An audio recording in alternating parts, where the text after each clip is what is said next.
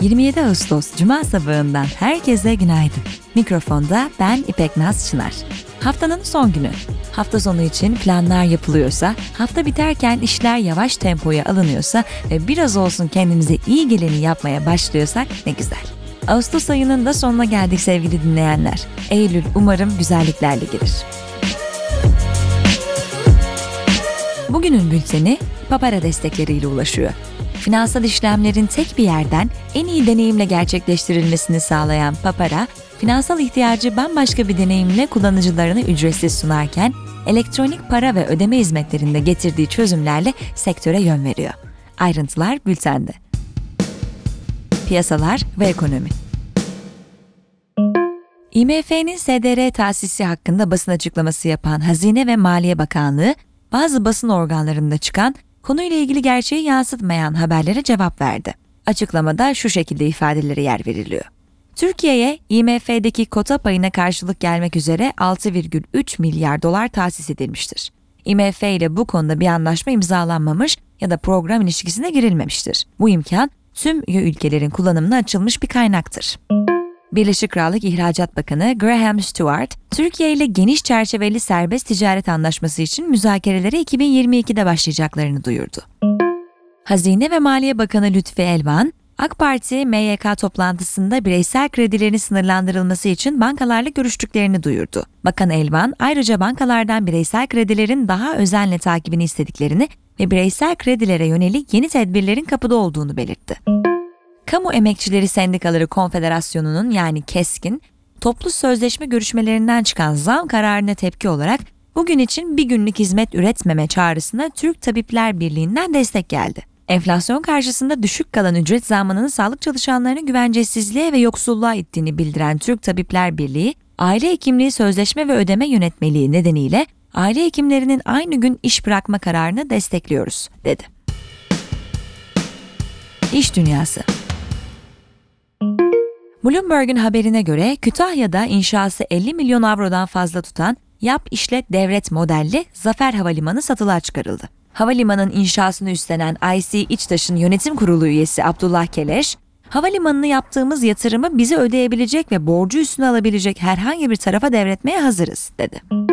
Yeni nesil taksiciler taşıma ve işletme kooperatifinin haksız rekabet iddiasıyla Uber hakkında bulunduğu suç duyurusunun ardından başlatılan soruşturmada oluşturulan bilirkişi raporu tamamlandı. Düzenlenen 16 sayfalık bilirkişi raporunda Uber Türkiye'nin almış olduğu D2 yetki belgesi amaç ve kapsamı dışında kullandığı yani haksız rekabet koşulları oluşturduğunun tespit edildiği bildirildi.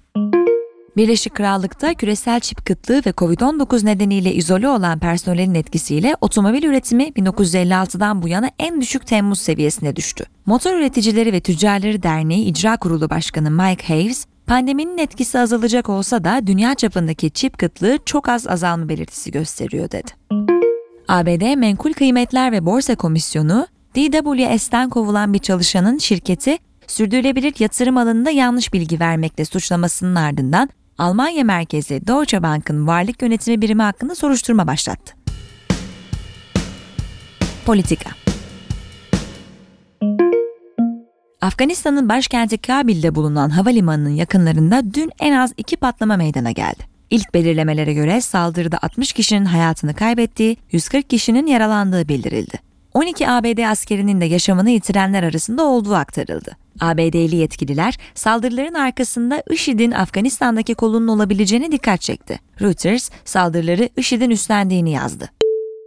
Dışişleri Bakanlığı saldırıya bu menfur saldırıyı en güçlü şekilde kınıyor, hayatını kaybedenlerin yakınlarına başsağlığı, yaralılara acil şifalar diliyoruz sözleriyle tepki gösterdi. Öte yandan Milli Savunma Bakanı Hulusi Akar, Türk Silahlı Kuvvetleri'nin Kabil Havalimanı'ndan tahliyesinin en kısa sürede tamamlanacağını ifade etti.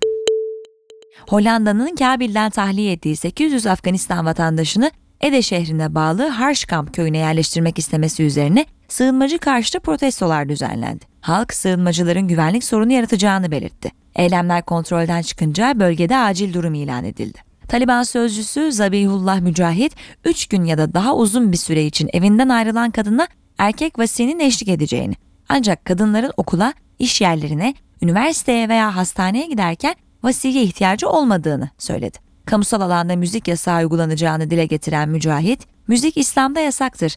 Ancak biz insanları baskı uygulamaya gerek kalmadan böyle şeyleri yapmamaya ikna etmeyi umuyoruz, dedi. Ankara Cumhuriyet Başsavcılığı Melih Gökçek yönetiminde 801 milyon dolara yapılan Anka Park'ın soruşturması için dönemin yöneticileriyle ilgili Ankara Büyükşehir Belediyesi'nden bilgi talep etti.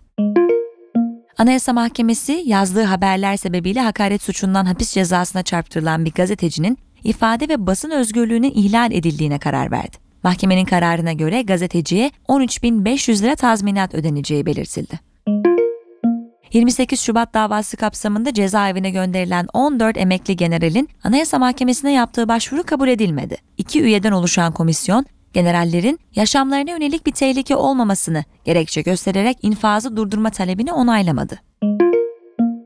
Diyanet İşleri Başkanlığı midye, kalamar, yengeç, ıstakoz, karides gibi deniz canlılarının besin olarak tüketilmesine ilişkin fetva yayımladı. Başkanlık deniz canlılarının yenmesinin helal olduğunu belirtirken Hanefi mezhebinde helal olmadığını söyledi. Teknoloji ve Startup Google'ın CEO'su Sundar Pichai, Amazon'un CEO'su Andy Jassy, Apple'ın CEO'su Tim Cook, IBM Başkanı ve CEO'su Arvind Krishna ve Microsoft'un CEO'su Satya Nadella dün ABD Başkanı Joe Biden'la görüştü. Görüşme sonrası şirketler ABD siber güvenliğini destekleme sözü verdi. Google yaptığı açıklamayla ABD'de siber güvenliği sağlanabilmesi için 10 milyar dolarlık yatırım yapacağını duyurdu.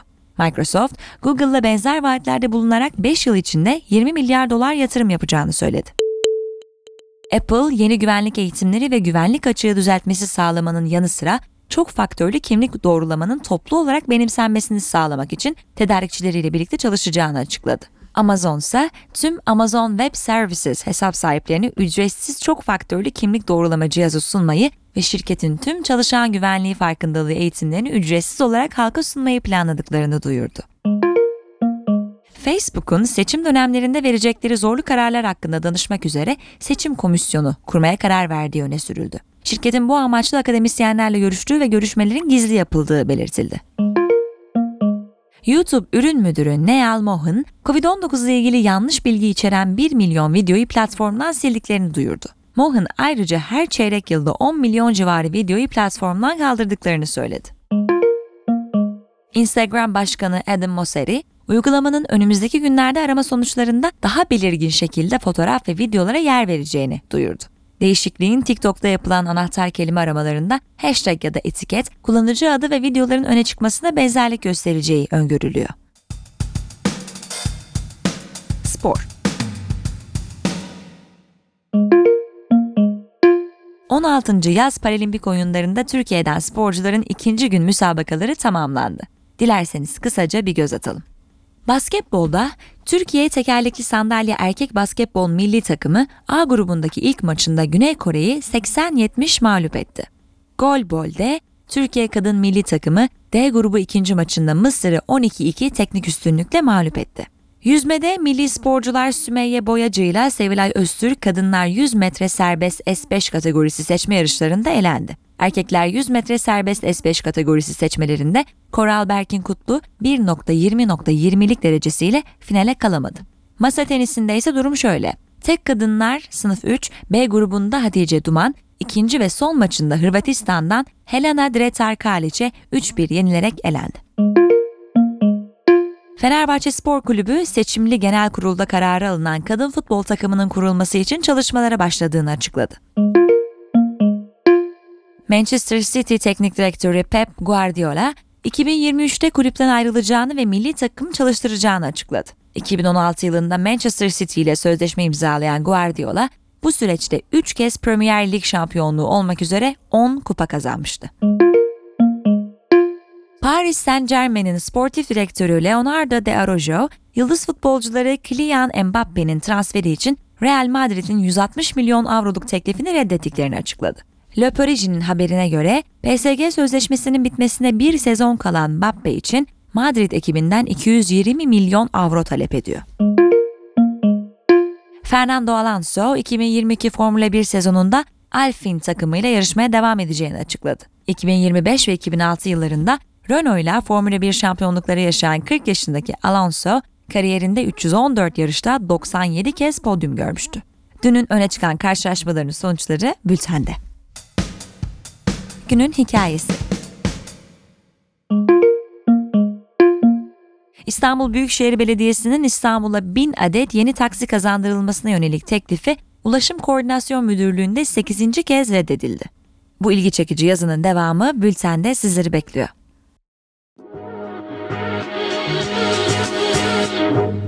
Evet sevgili Aposta 630 dinleyicileri.